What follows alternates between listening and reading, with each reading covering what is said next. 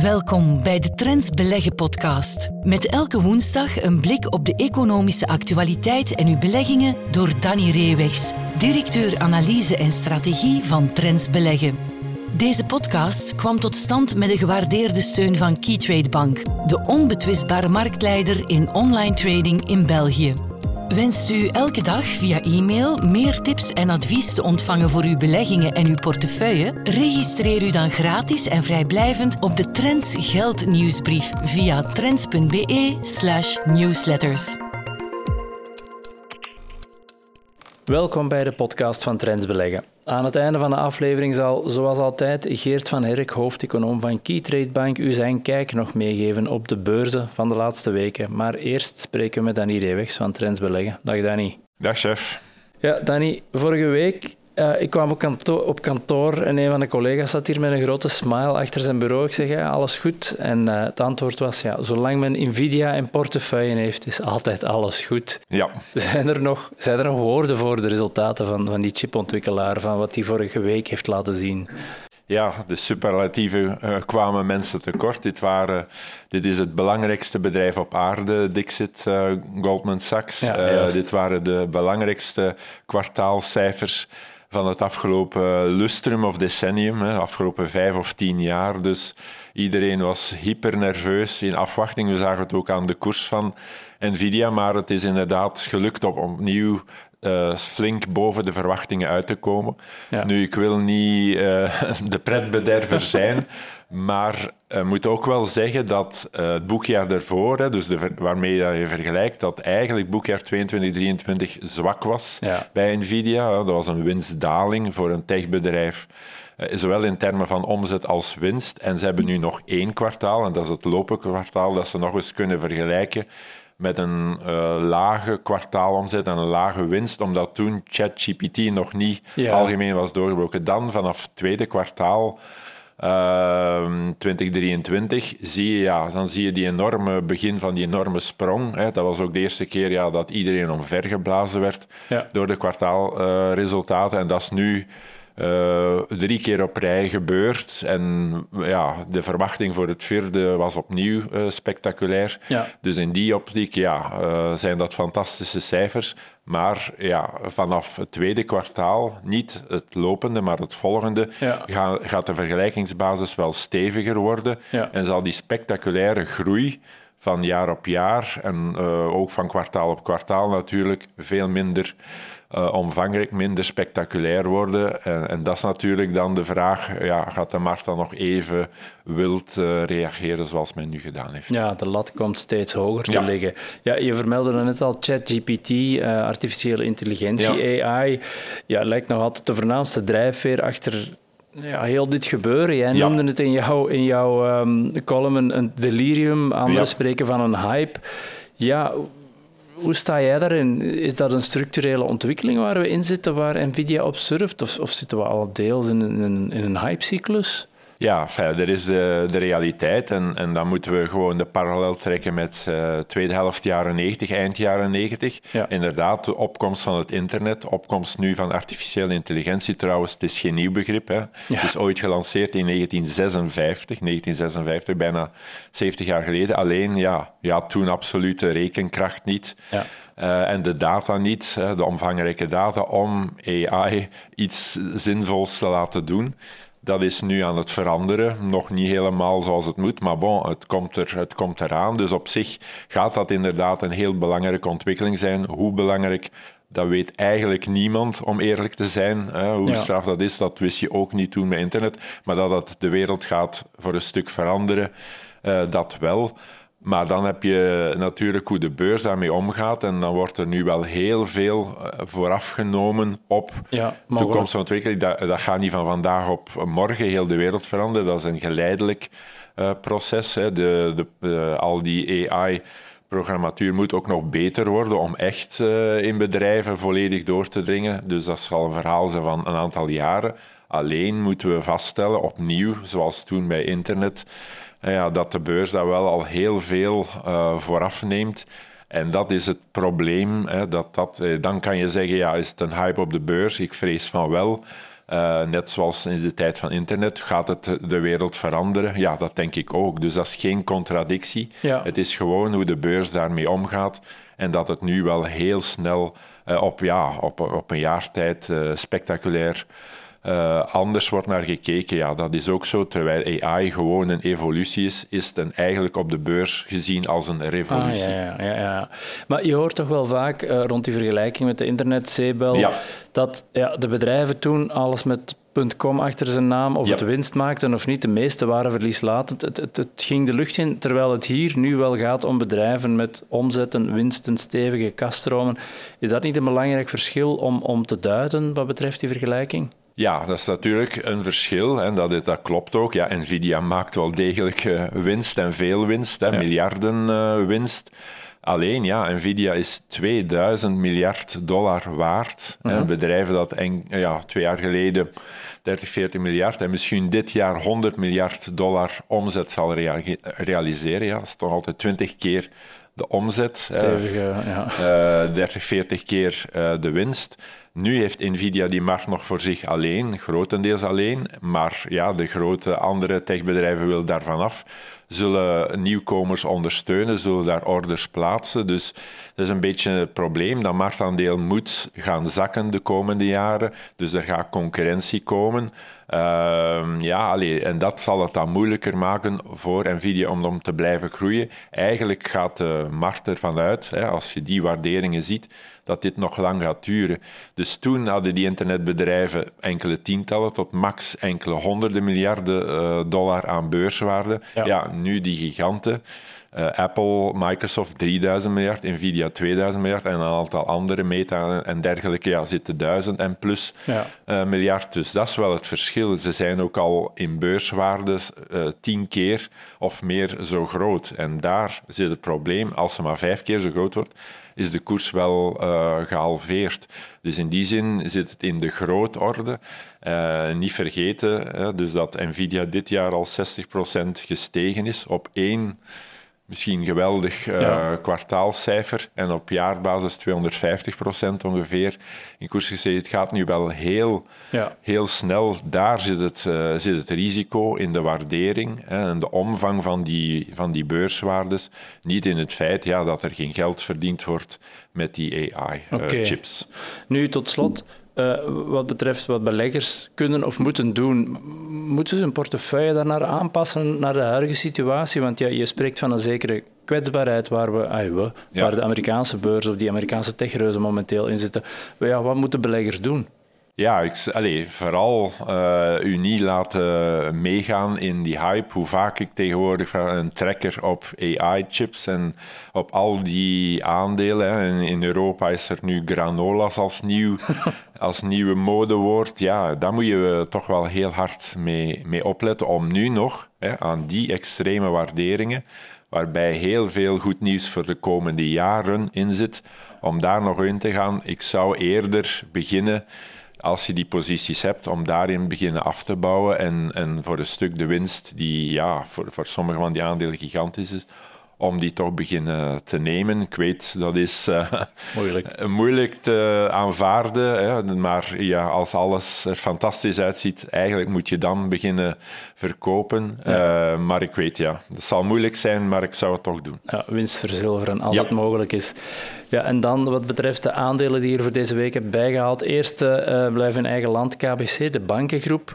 ja, in jouw stuk schrijf jij dat de koersverloop van de bank, van, van, van, ja. van de Belgische bank eigenlijk veel grilliger is dan haar resultaten. Uh, ja, hoe komt dat? Van waar dat verschil?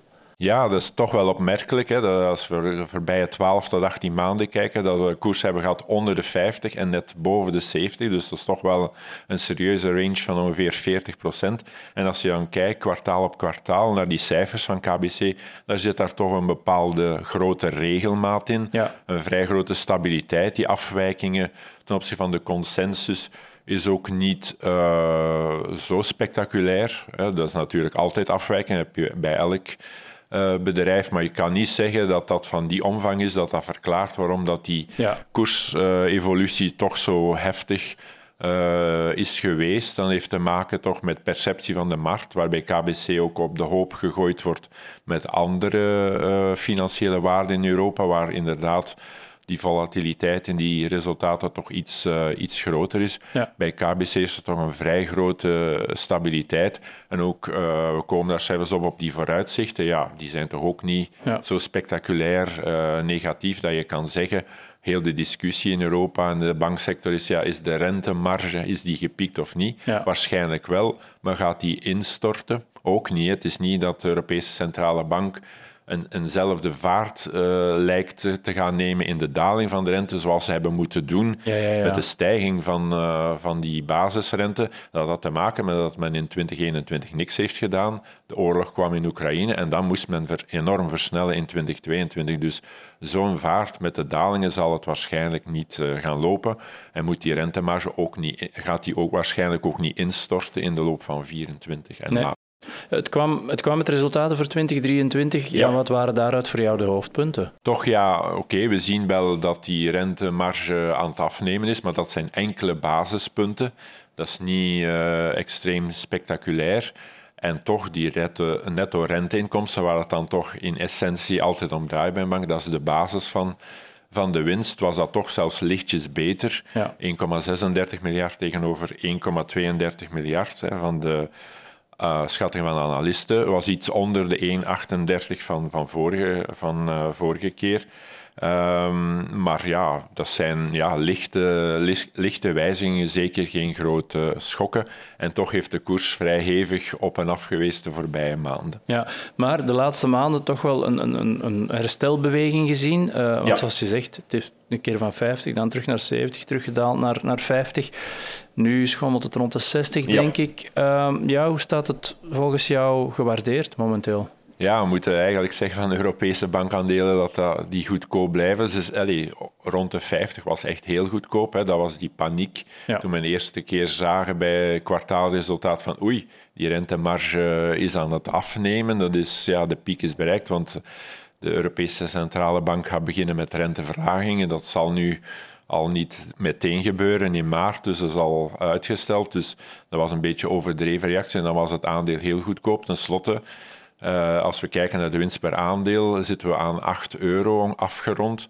En met een koers van, van iets boven de 60. Ja, dat is toch een, nog altijd een vrij lage uh, waardering. Ja. Dividendrendement is, is nog altijd heel aantrekkelijk. Dus in die zin ja, kunnen we nog altijd niet zeggen, ondanks de sprong vanaf grond 50 naar 60, dat het aandeel al erg hoog gewaardeerd is. Oké, om in de gaten te blijven houden. Dus met het tweede aandeel uh, blijven we in eigen land, ook met de materialenspecialist Umicore.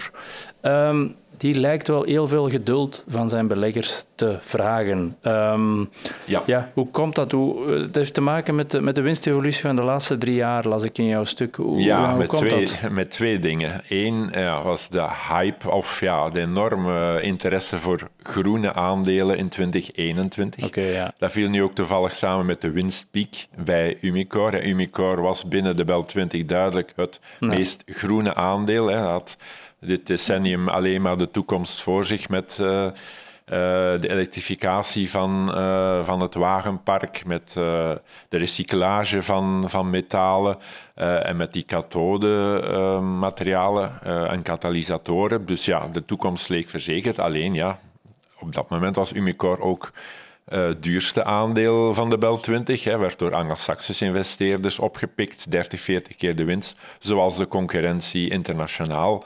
Ja, dan weet je dat je moet afleveren. En ja, dat heeft Umicore op vlak van resultaten, ook op vlak van strategie niet kunnen, kunnen doen. Want men heeft op een gegeven moment moeten zeggen, ja, kijk, in die batterijmaterialen hebben ons vergist, hebben we de verkeerde keuze gemaakt, we moeten dat bijstellen. Ja, en dat vergt tijd. En dus hebben we ondertussen gezien dat de winst van 22 lager lag dan 21 en die van 23 ligt lager dan 22. Heeft te maken, één, met die batterijmaterialen, maar ook met een andere divisie. En dat is die recyclage is afhankelijk van de metaalprijzen. En twee belangrijke daarvan, rhodium en palladium. Ja. ja, daar zijn de prijzen in de loop van 2023 enorm gezakt na enorme stijgingen voordien. Dus die winst was ook een beetje opgeblazen. En daar is nu de terugslag geweest. Hè. De, ik denk dat de rhodiumprijs met 60 en de palladiumprijs met 40 procent op jaarbasis is teruggevallen. Ja, ja, dan maak je gewoon op die recyclage veel minder winst. En heb je dus een plaatje waarbij twee van de drie divisies niet afleveren. De derde was oké. maar ja, globaal heb je dan toch een winstdaling. Oké, dus het heeft zijn beloftes niet waar kunnen maken. Ehm, Zit er een kentering aan te komen? Is er al een beetje zicht op wat het naar de toekomst zal kunnen doen? Niet meteen. Hè. 2024 ehm, zegt het bedrijf zelf, ja, we vrezen dat we nog naar een lagere winst gaan. Dat zou dan het dieptepunt uh, moeten zijn. En is er wel hoop en verwachting dat het vanaf 2025 kan verbeteren. Nu, ja, dat zijn natuurlijk een aantal premissen. En dat is dat uh, de metaalprijzen bijvoorbeeld op dit lage pijl blijven. Hè, dat okay. Rhodium, palladium en dergelijke niet gaan herstellen. Gebeurt dat toch in de loop van 2024, kan daar wel een opwaartse bijstelling zijn. Batterijmaterialen zien we de, in de loop van 2023 toch een aantal beloftevolle ontwikkelingen. Uh, de fabrieken die minder geld gaan kosten, contracten die worden uh, afgesloten en toch de verwachting dat er een mooie marge op kan verdiend worden vanaf 2026. Dus daarom gaan beleggers toch op een gegeven moment ook mee rekening houden. Dus in principe zouden we stil aan het einde van de tunnel van drie, vier jaar moeten zijn bij Umicore. Ja, tot slot, je zei het was toen 2021 bij van de duurste aandelen van de BEL 20. Uh, hoe zit dat momenteel? Is het van zijn sokkel gevallen qua waardering? Ja, want de, de, koers was toen 60 en we zitten nu, hè, we zijn even na deze uh, teleurstellende vooruitzichten, 24 nog eens een lagere winst, zijn we al onder de 20 euro geweest. Dus dat is twee derde van de beurswaarde die eraf is. Dus vandaag mogen we zeggen, eindelijk ja, is Umicore het aandeel terug redelijk gewaardeerd. Hè. Er zit veel slecht nieuws in plaats van heel veel goed nieuws. Drie jaar geleden in de koers zit er nu slecht nieuws in het... Uh, in de koersen. En als we kijken ja, naar de toekomstevolutie, ja, die vergroening die is toch nog altijd bezig. Hè. Misschien gaat het wat trager dan eerst gedacht, maar uh, die evolutie hebben we toch nog niet uh, zien stoppen. Grondstoffen, ja, contracten zijn er, grondstofprijzen denk ik, kunnen eerder stijgen dan, uh, dan dalen. Want ja, in dat verhaal zal er de productie moeten opgedreven worden. Dus ik denk, ja, in tegenstelling tot drie jaar geleden, dat het aandeel nu wel aantrekkelijk gewaardeerd is om naar te kijken. Beetje het omgekeerde van Nvidia, als ik uh, goed ja. hoor. Ja, Oké, perfect. Dan hebben we daarmee de cirkel rondgemaakt voor deze aflevering. Dank je wel uh, voor jouw inzichten en uh, graag tot de volgende keer. Tot volgende keer. Dag. We luisteren nu naar Geert van Herk, Chief Economist van Keytrade Bank, met zijn analyse op een aspect van de economische actualiteit. Hallo iedereen en welkom bij onze wekelijkse bijdrage aan de Trends Beleggen podcast. In de podcast van deze week gaan we nog eens even stilstaan bij het vergelijken tussen een, ja, zeggen, een kapitalisatiegewogen index en de equal weight of de gelijkgewogen index. In een marktkapitalisatie-index, zoals bijvoorbeeld de S&P 500, de MSCI World, hebben natuurlijk de grootste beursgenoteerde aandelen het grootste gewicht. Dat maakt natuurlijk ook dat de afgelopen jaren een, een S&P 500-trekker of een MSCI World-trekker het enorm goed gedaan hebben, omdat technologie een belangrijke factor was voor dit succes. De technologische sector heeft de afgelopen jaren meer en meer gewicht, meer blootstelling gekregen in die grote uh, beurzen, beursindexen. Dus het is dan ook, ja, denk ik, redelijk populair om vandaag te stellen van ja, beleggen in een S&P 500 of een MSCI World Tracker. Maar indirect opnieuw, wij koop je vooral die grote blootstelling aan de technologieaandelen. Denk hierbij aan de namen als Nvidia, Apple, Amazon, Meta en Google, Alphabet en noem maar op. Dus ja, dat is een beetje het thema. Ik denk dat iedereen die vandaag op de beurs belegt weet dat we de afgelopen jaren vooral die dominantie gezien hebben van die grote, die megacaps, die grote Amerikaanse technologiewaarden.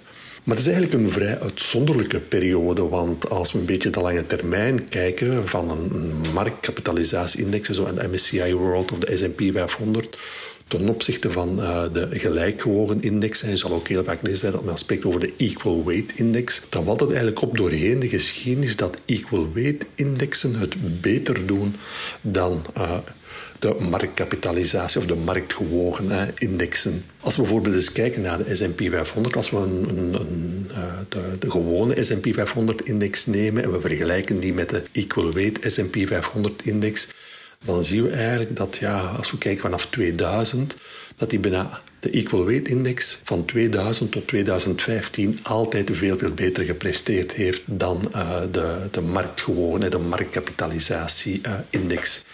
Recentelijk, en vanaf laten we zeggen 2015, 2016, is er wat ommekeer gekomen. Dat hangt natuurlijk ook samen met de opkomst van die grote Amerikaanse uh, technologieaandelen, die op, denk ik op dit moment toch iedereen wil bezitten. Dat is ook een vrij ik kan niet zeggen euforisch, maar toch een zeer optimistische stemming rond de, wat men dan noemt de Magnificent Seven, uh, die belangrijke Amerikaanse technologieaandelen. Er is ook een periode geweest in het verleden, van 1995 tot 1999, toen we ook gezien hebben dat onder impuls van de technologie de gewone S&P 500-index het veel beter deed dan de equal weight of de gelijkgewogen S&P 500-index.